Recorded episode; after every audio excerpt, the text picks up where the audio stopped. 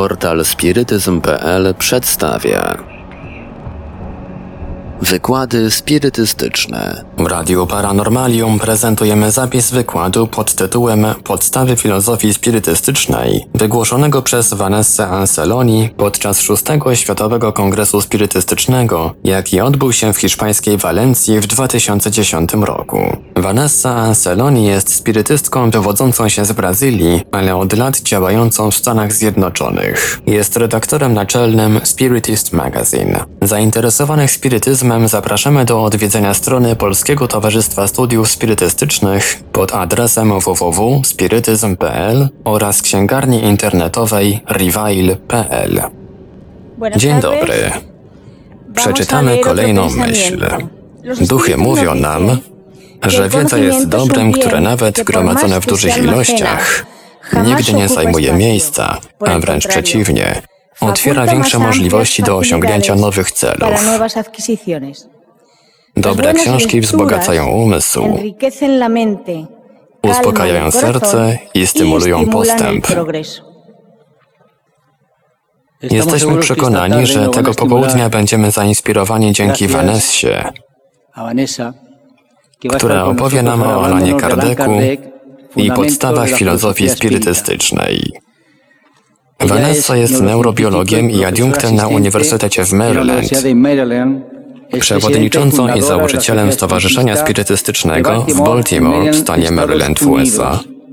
Jest jedną z najbardziej aktywnych prelegentek spirytystycznych w Ameryce. Uczestniczy w kongresach, seminariach, sympozjach, kieruje spotkaniami mediumicznymi, terapeutycznymi a także warsztatami w Stanach Zjednoczonych i na całym świecie. Jej warsztaty omawiają koncepcję kontroli własnych emocji i roli, jaką odgrywa w naszym integralnym zdrowiu.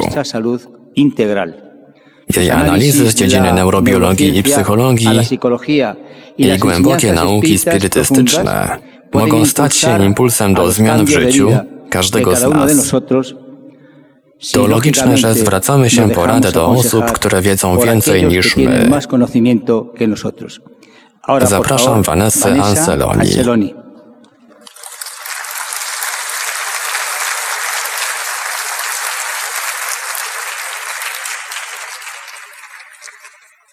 Szanowni bracia i siostry spirytyści, chciałabym bardzo mówić po hiszpańsku, ale teraz zapraszam Was do połączenia sił, abyśmy mogli porozmawiać w innym języku, w którym także należy uczyć o spirytyzmie. W języku angielskim. Witam wszystkich. Zaczniemy teraz nasz wykład omawiający postać Alana Kardeka i podstawy filozofii spirytystycznej. Aby opowiedzieć o Alanie Kardeku i fundamentach filozofii spirytystycznej, musimy wspomnieć o niesamowitym uduchowieniu samego Kardeka i jego żony, Amelie Gabriel Boudet. Wiemy bardzo mało na jej temat, zaledwie tyle, ile Alan Kardec i ona sama nam wszystkim przekazali and his wife have provided to all of us. Przypomina mi to historię o pewnym mistrzu, który często przyjmował ludzi z zewnątrz. Pewnego dnia przyszedł do niego uczeń, podekscytowany możliwością nauczenia się czegoś nowego. Zbliżył się do mistrza. Był tak bardzo poruszony jak my, gdy przebywamy z Divaldo Franco, Chico Savierem i innymi. Mistrz zaprosił ucznia na herbatę. Usiedli przy stole. Filiżanki stały przed nimi.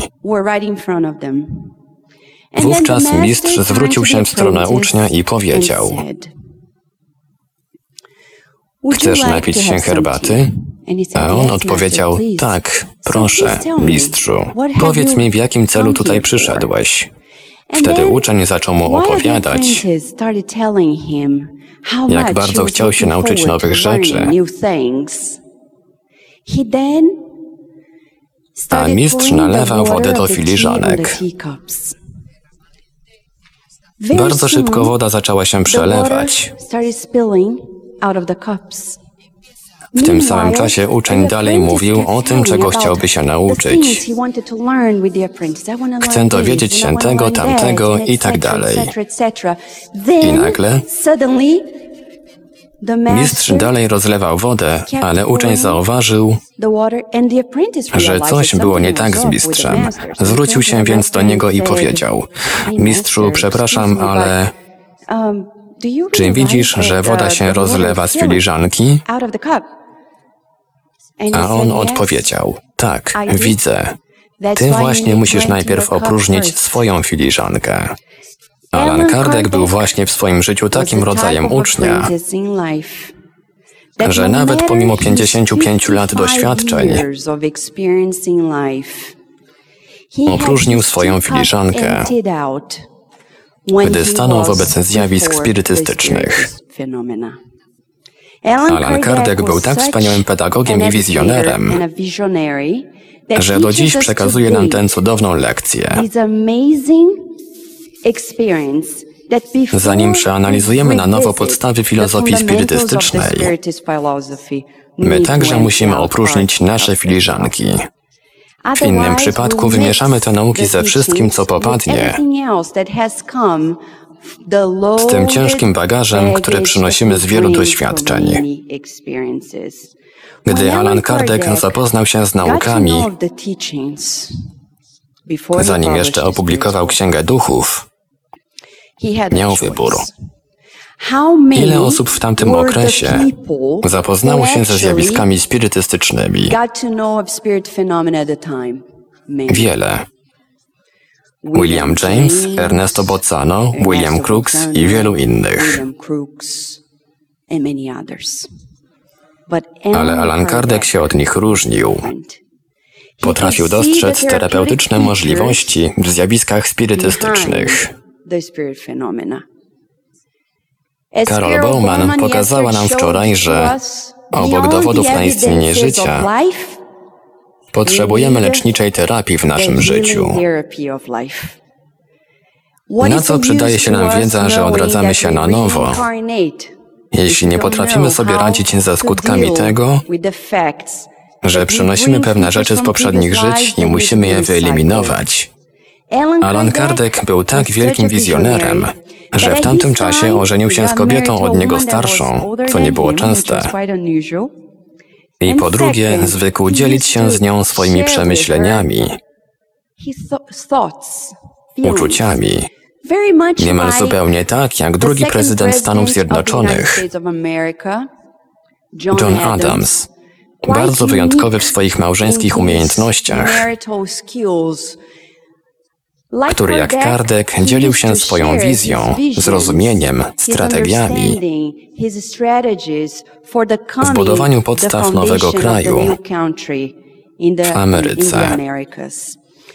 Alan Kardec więc pewnego dnia, mając w posiadaniu wszystkie nauki, przed publikacją Księgi Duchów, zwrócił się do żony, Amelie Gabriel Boudet, i powiedział, Amelie, jeśli te nauki są dobre i przydatne dla nas, jeśli naprawdę zachęcają nas do zmiany postępowania, powinny zachęcić do tego także innych ludzi.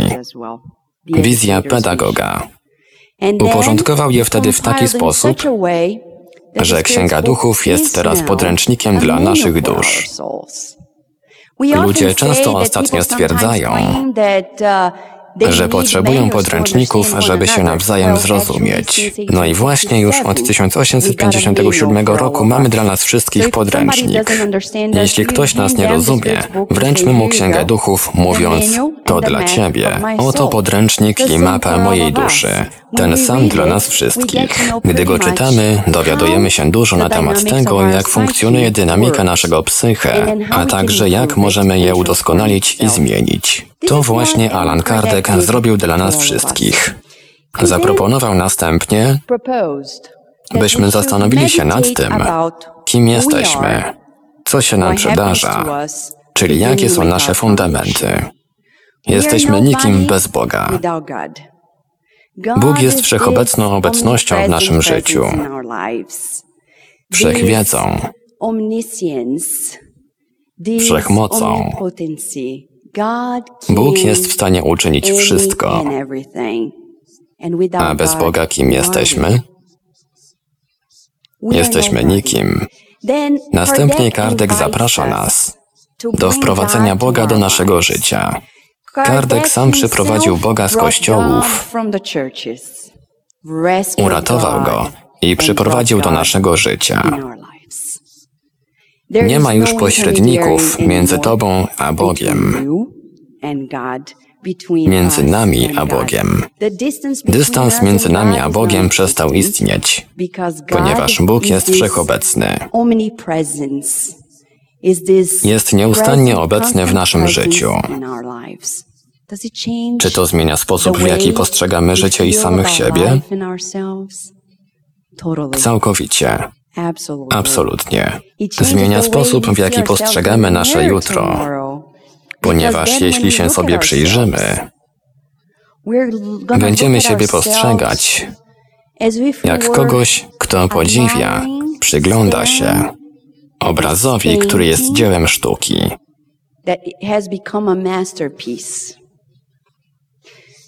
To dlatego musimy zrozumieć, że jeśli się upokarzamy, nie wierzymy w siebie. Obrażamy nie tylko siebie, ale także samego Stwórcę. Przypomina to słowa, które przekazał nam pewien dobry duch, który powiedział: To zupełnie tak, jakbyście patrzyli na obraz, gdy obok stoi malarz i spojrzeli na obraz i powiedzieli: Ten obraz jest dziwny. Gdy stoicie obok malarza, to dzieje się z nami, gdy się sobie przyglądamy i nie wierzymy w siebie. I myślimy, że jesteśmy gorsi niż w rzeczywistości.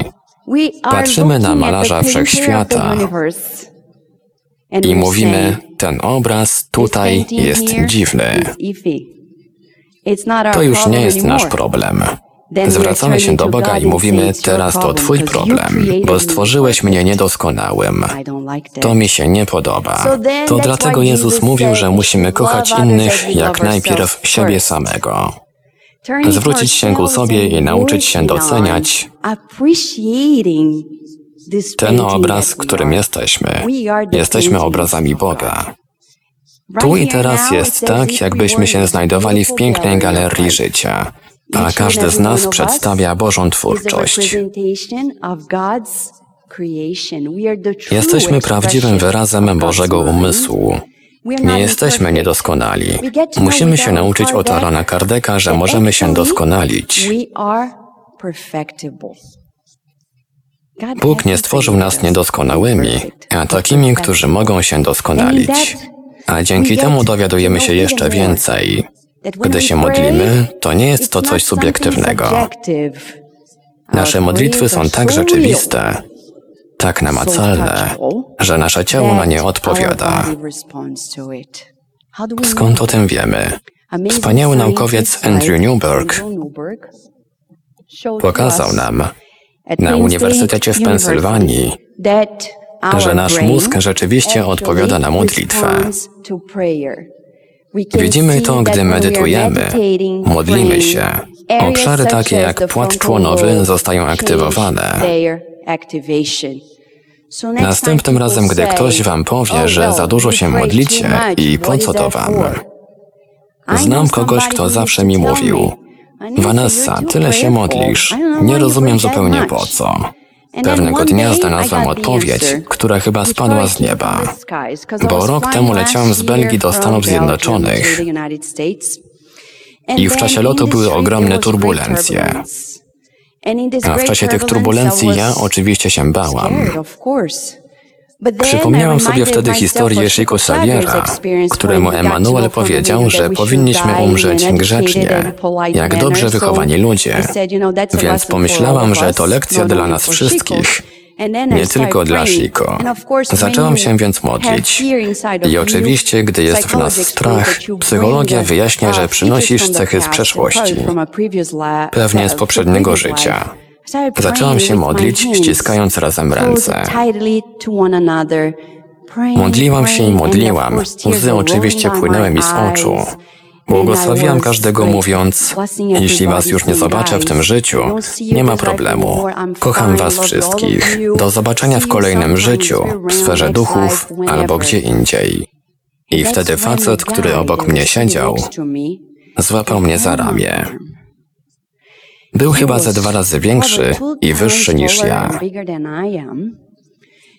Spytał, czy może mnie wziąć za rękę. Proszę bardzo, i tak przecież umrzemy. W porządku. I myślałam, o mój Boże. Modliłam się, modliłam i nagle turbulencje się skończyły. Odetchnęłam głęboko. On także. Odezwał się do mnie i zaczęliśmy rozmawiać. Opowiedziałam mu o przeglądzie spirytystycznym, a on opowiedział mi o swoich projektach w Liberii, w Afryce. To było bardzo ciekawe. On jest inżynierem, bliskim przyjacielem prezydenta Liberii. Zaczął mówić o fundacji istniejącej w Stanach Zjednoczonych, która pomaga Liberii, krajowi, o którym wielu słyszałam, ale nie wiedziałam zbyt wiele. I wtedy coś mnie tknęło. Powinnam zwrócić na to większą uwagę. Po wylądowaniu w Baltimore, w stanie Maryland, utrzymaliśmy kontakt. Zaproszono mnie na konferencję w tej organizacji i nagle byłem już zaangażowana w te liberyjskie projekty.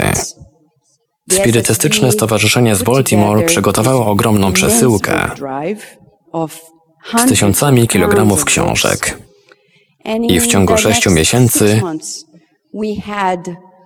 wysłaliśmy tysiące kilogramów książek do Liberii dzięki turbulencjom i modlitwie.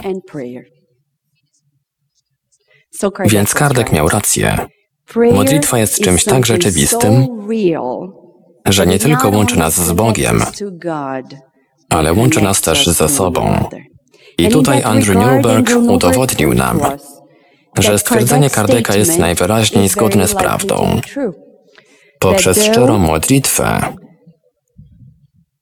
która jest magnetycznym działaniem ducha, doprowadza się do szybszego rozprowadzenia fluidu ciała duchowego za Ewangelią według spirytyzmu. W ten sposób uczymy się od Kardeka, że jesteśmy w stanie ewoluować. Nie jesteśmy tu po to, by być takimi, jakim jesteśmy. W odróżnieniu od obrazu ewoluujemy. Jesteśmy żywymi obrazami we wszechświecie, które stają się piękniejsze, piękniejsze i z czasem jeszcze piękniejsze. Jak to się dzieje? Dzięki doświadczeniom takim jak to, które nazywamy ewolucją w dwóch światach. Andre Lewis wyjaśnił nam ją tak dobrze. Zostaliśmy stworzeni prostymi i pozbawionymi wiedzy. Nie jako ludzie, bo szczerze mówiąc, jako naukowcy ledwie rozumiemy mózg znajdujący się w naszej czaszce. Spróbujmy uwierzyć, że zostaliśmy stworzeni prości i pozbawieni wiedzy, ale nie na ludzkim poziomie. To było dużo wcześniej, gdy byliśmy pierwiastkiem duchowym. Poprzez kolejne etapy przechodzenia przez materię, od minerałów po rośliny, zwierzęta i królestwo ludzi, następuje duchowy postęp. Poddajemy się mu i dzięki niemu właśnie mamy te piękne ciała. Odpowiadamy naszej świadomości. Małe wtrącenie w tym miejscu. Andre Lewis, lekarz z zaświatów, Uczy nas w książce Ewolucja w dwóch światach, rozdziały piąty i szósty, że te tryliony komórek są w rzeczywistości jak małe zwierzątka. Nazwał je animakulami.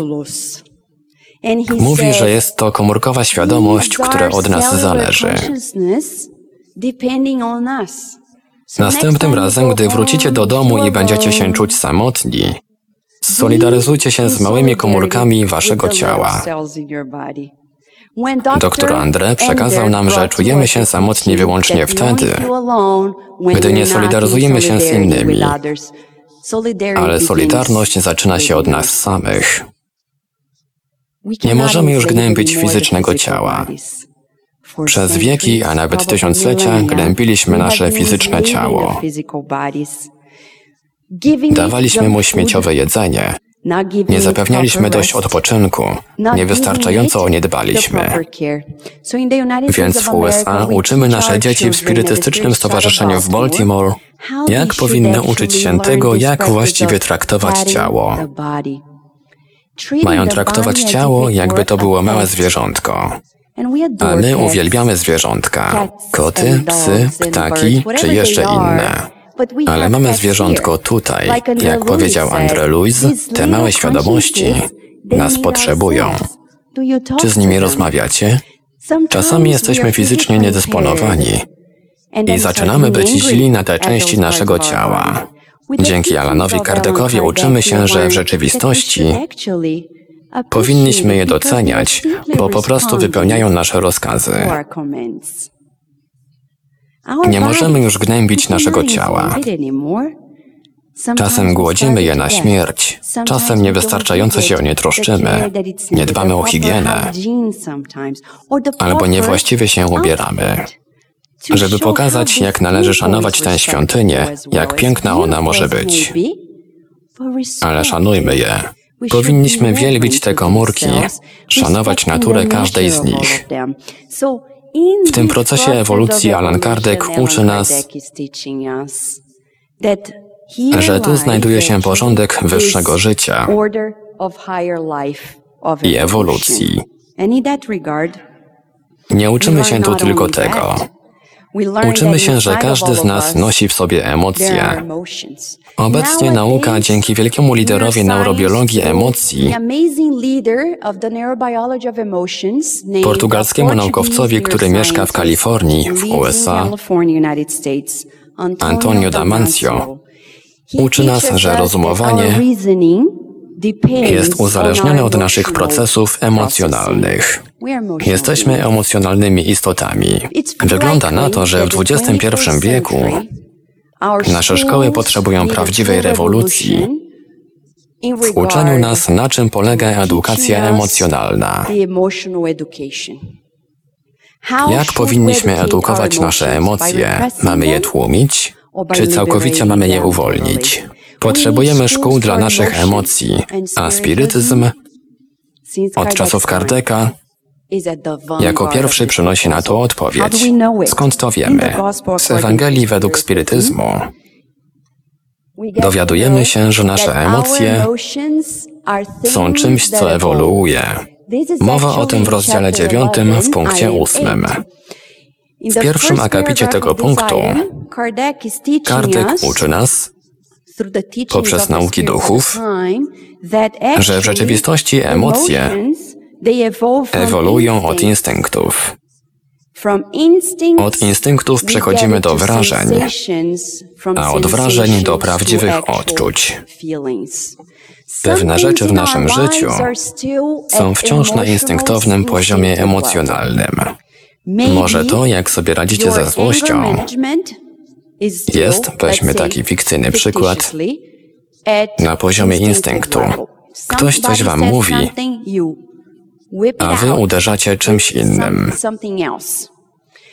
Ale na przykład potem, jeśli chodzi o wspaniałomyślność, znajdujecie się już na poziomie uczuć.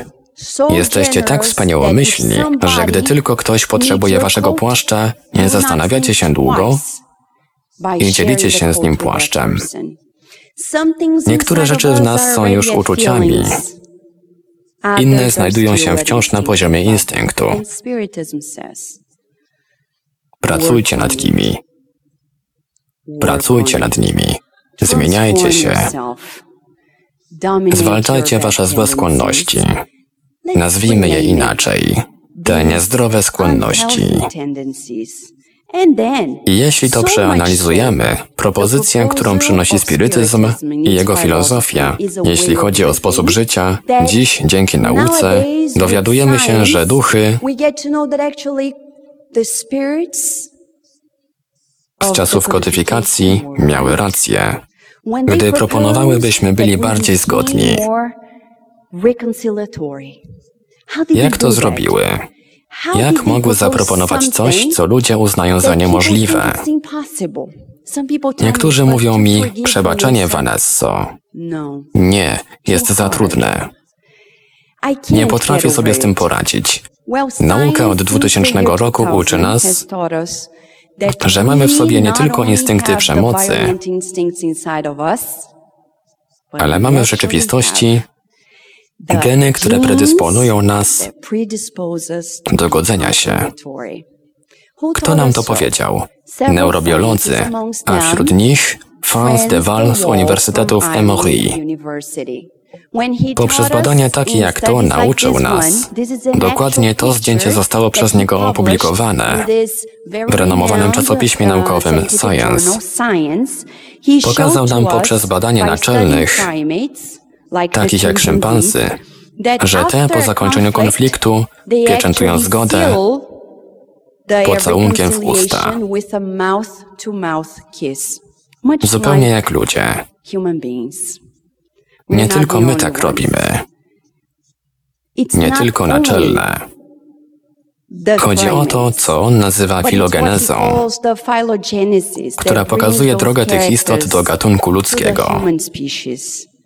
I tu jesteśmy, a więc duchy nie żartowały sobie z nas, gdy radziły nam, byśmy pracowali nad sobą i godzili się z innymi.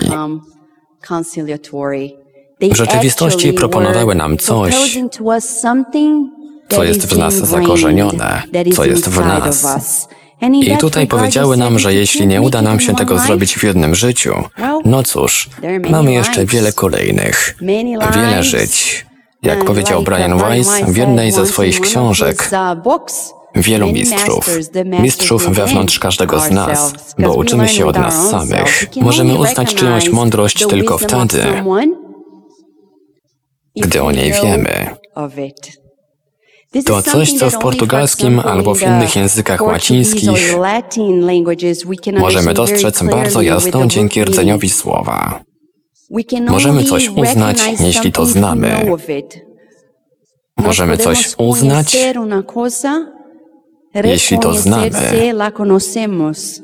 Najpierw. Ta koncepcja dotyczy czegoś, co jest wewnątrz nas. Mogę uznać mądrość Chrystusa tylko wtedy, gdy jest ona już wewnątrz mnie. Wielu patrzyło na Chrystusa i nie potrafiło go zrozumieć. Wielu nie rozumie go zresztą do dziś. I tu jesteśmy, żeby nauczyć się coś więcej na ten temat. Więc Kardek mówi, mamy wiele szans i te szanse nazywają się reinkarnacja. Gdy dostajemy to nowe ciało, to nowo utworzone ciało, w taki sposób, że jak wyjaśnia to nauka, takie spojrzenie na życie nie jest już czymś wyimaginowanym, ale ma poparcie w nauce.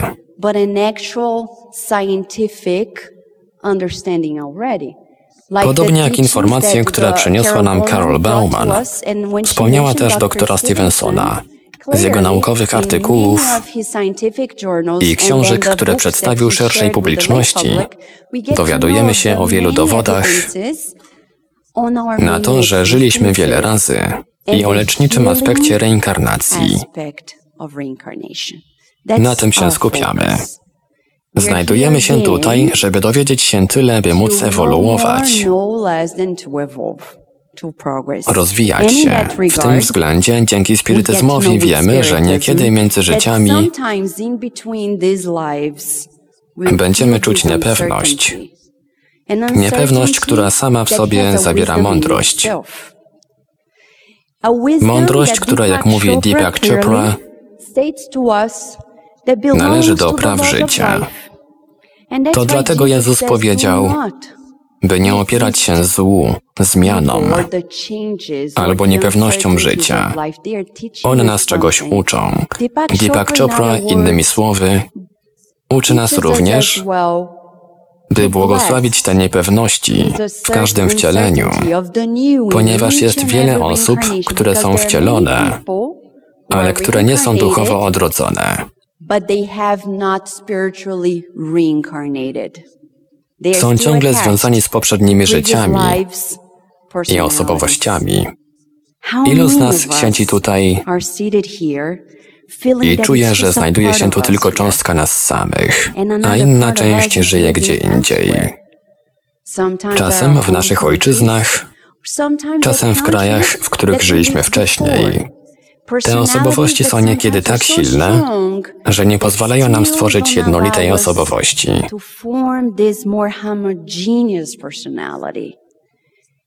Dlaczego? Ponieważ boimy się nowego. Boimy się nowego środowiska, nowej rodziny, nowych okoliczności, które nas wszystkich otaczają. A zatem nauki, które przynosi nam spirytyzm w tej filozofii życia i tego, jak żyć, są takie same jak te Deepaka Chopry. Wspominamy tu o Deepaku Choprze i innych, żeby pokazać, że Alan Kardec przyniósł nam uniwersalną wiedzę, wiedzę, która jest rozpowszechniona w różnych kulturach. Deepak Chopra mówi nam, że w tej mądrości niepewności leży wyzwolenie przeszłości,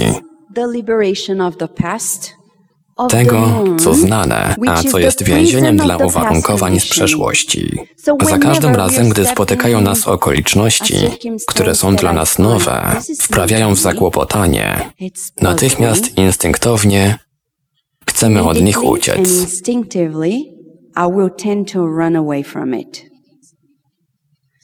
Stajemy bez ruchu. Taki instynkt zwierzęcy. Gdy pokażemy zwierzęciu coś, co stanowi zagrożenie dla jego życia, dokona jednego z dwóch wyborów. Albo odleci, ucieknie, albo będzie walczyć. Jak często to jedyne dwie możliwości, które mamy w życiu. To jest poziom zwierzęcy. Na poziomie człowieka musimy mieć trzecią możliwość, czyli popracować nad tym. Terry Bragg, niesamowita psycholożka z Waszyngtonu, Napisała książkę Radykalna akceptacja. Uczy tego samego co Jezus. Nie walcz ze złem, nie opieraj się mu. A zło wynikające z niepewności, z niestanego, z naszej niewiedzy, co z nim mamy zrobić? Poddajmy się mu. Uczy nas, jak praktycznie to robić. Poprzez oddech. Oddech jest sposobem na to, byśmy osiedli w teraźniejszości. Właśnie tu i teraz. Jeśli zamkniecie oczy na minutę, pozwólcie wprowadzić Was w tę technikę, którą można stosować w codziennym życiu. Kiedykolwiek spotyka Was coś, wobec czego czujecie opór, pomyślcie o tym. Macie dwie możliwości. Poddać się mądrości tej niepewności albo walczyć z nią. Jeśli z nią walczycie, to tak jakbyście wbijali sobie w dłoń nóż. Spróbujcie teraz. Dotknięcie palcem środka dłoni. Dociśnijcie i oprzyjcie się temu. Boli bardziej, prawda? Czy boli bardziej? Tak. Więc co macie zrobić? To, co powiedział Jezus. Nie opierajcie się. Niech tak będzie. Dzięki oddechowi pozwalamy, by tak było. Jak? Zamknijcie oczy na minutę. Oddychajcie głęboko. Wydychajcie głęboko. To sposób na osadzenie siebie w teraźniejszości i odnalezienie tego stanu, gdzie nie ma oporu. Jezus nigdy się niczemu nie opierał, a spirytyzm przekazuje nam tę mądrość, mądrość, która umożliwi nam odnalezienie się w obecnej chwili. Jak Eckhart Tolle jasno nam przekazał, gdy nie jesteśmy w teraźniejszości, Żyjemy w negatywizmie. Jeśli w naszym życiu jest za dużo niepokoju, lęku, napięć, zmartwień i strachu, żyjemy za bardzo w przyszłości. Gdy z kolei odczuwamy winę, żal, wyrzuty sumienia, smutek i gorycz, żyjemy za bardzo w przeszłości.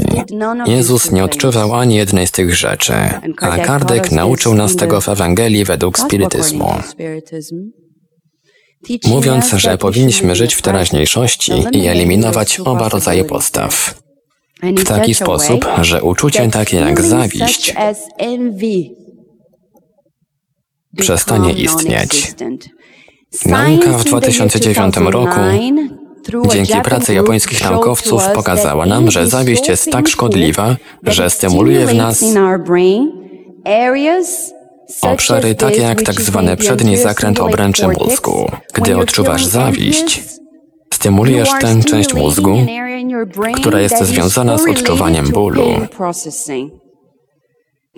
To dlatego japońscy badacze napisali artykuł w czasopiśmie Science. W pierwszym akapicie mówią, ze wszystkich grzechów, o których mówią ludzie, zawiść jest jedynym, który nie ma w sobie przyjemności, tylko ból. Dlaczego? Zbadali to i zobaczyli jasno, że zawiść wywołuje ból. Możemy wprost powiedzieć, że ludzie, którzy odczuwają zawiść, odczuwają ogromny ból. They are extremely, they in extreme pain. Te uczucia muszą zostać wyeliminowane poprzez nasze reinkarnacyjne doświadczenia. W taki sposób, że dowiadujemy się, że to, co nazywamy pracą nad samym sobą, wewnętrzną przemianą, jest procesem. Kiedy czytamy książkę Paweł i Szczepan, autorstwa ducha Emanuela, czytamy, że Paweł musiał z Szawła stać się Pawłem. Stąpamy po schodach przemiany, krok po kroku, i nikt nie wie, że wewnątrz nas jest ta zmieniająca się istota. I to do nas należy przejść od naszej pustyni udręczeń do jaskini naszych lęków, a następnie zanurzyć się w piękno życia i zacząć służyć innym. Jak Paweł. A gdy on nauczył się służyć, wyzbywając się swojego ego, odnalazł siebie. Połączył się z Chrystusem. Połączył się z Bogiem. W ten sposób nauczył się, że nigdy nie jesteśmy sami. Otacza nas chmura świadków wszędzie i w każdym miejscu. Przez cały czas. To jeden z fundamentów filozofii spirytystycznej, który zmienia nasze życie. Kiedy dowiadujemy się, że w rzeczywistości duchy wchodzą z nami w interakcję w taki sposób, że Kardek spytał się ich, czy to możliwe, że duchy widzą nasze myśli i wpływają na nasze działania? A one odpowiedziały, bardziej niż wam się wydaje. Jeśli wydaje się wam, że wpływają tak bardzo, to w rzeczywistości wpływają bardziej. A jeśli myślicie, że tak bardzo, to również wpływają bardziej. Niezależnie co byście nie myśleli, tego właśnie uczy nas spirytyzm. Wpływają bardziej. Musimy być ostrożni. Musimy uważać. Musimy skierować oczy wewnątrz nas i obserwować, co dzieje się w nas teraz. To dlatego edukacja emocjonalna stanie się kluczem do przemiany ludzkości w XXI wieku. I z pewnością spirytyzm ma tutaj rolę do odegrania. Nasze ośrodki spirytystyczne muszą otrzymać możliwości, by móc wprowadzić programy zgodne z filozofią spirytystyczną i kształcić nie tylko następne pokolenia, ale także pokolenia wciąż żyjące tutaj, by uległy emocjonalnej przemianie. Pewien znajomy zastanów powiedział mi kiedyś, Vanessa, znajdź w ośrodku spirytystycznym prawdziwą szkołę, kształtującą emocje, emocjonalna i duchowa edukacja. W innym przypadku nauczymy się od duchów, że w rzeczywistości, gdy komunikujemy się z duchami, wszyscy jesteśmy przecież mediami. Fakt, że odbijamy myśli, które synchronizują się z innymi umysłami, czyni z nas medium. A jeśli nie będziemy uważali, będziemy musieli stawić czoła tym symbiotycznym wyzwaniom. Mogą się stać one dla nas prawdziwym opętaniem. Opętaniem, które pewnego dnia może dosięgnąć nas przy stole, jak dowiadujemy się z książki. Misjonarze Światła.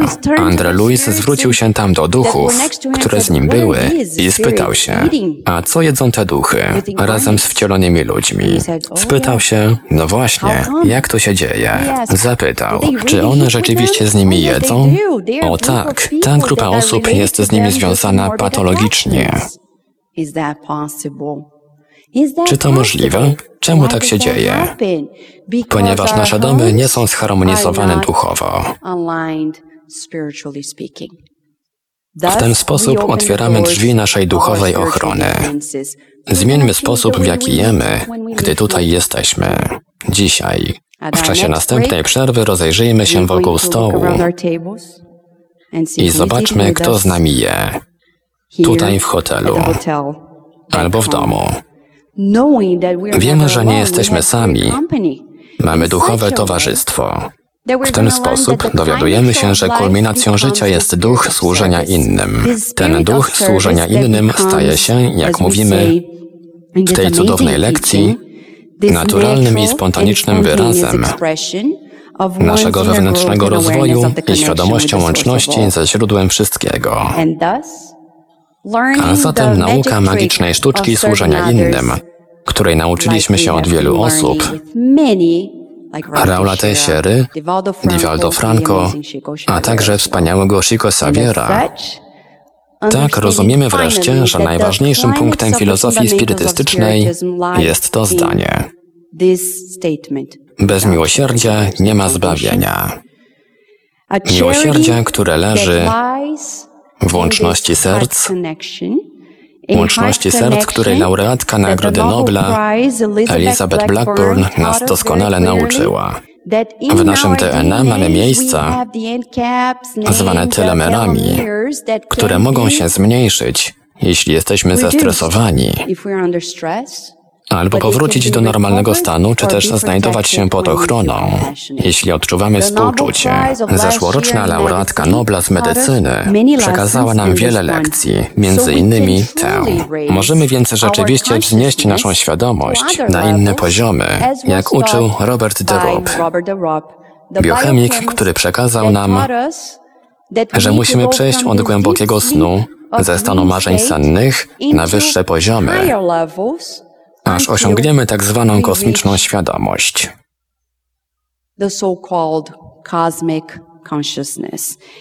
To ukrytego miłosierdzia Jezus nas tak dobrze nauczył. Kiedy był pośród uczniów, a uczniowie nie potrafili zrozumieć czy pojąć, co oznacza bycie miłosiernym, Jezus powiedział, że to współczucie. A jeśli nie wiecie, czym jest, pomyślcie o tym człowieku. Nie miał żadnych pieniędzy, ale postanowił okazać miłosierdzie na inny sposób. Powiedział: Będę pomagał innym inaczej.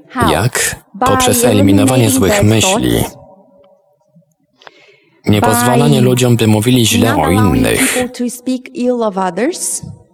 Całkowite unikanie sytuacji, gdy nie mówimy o dobroci innych.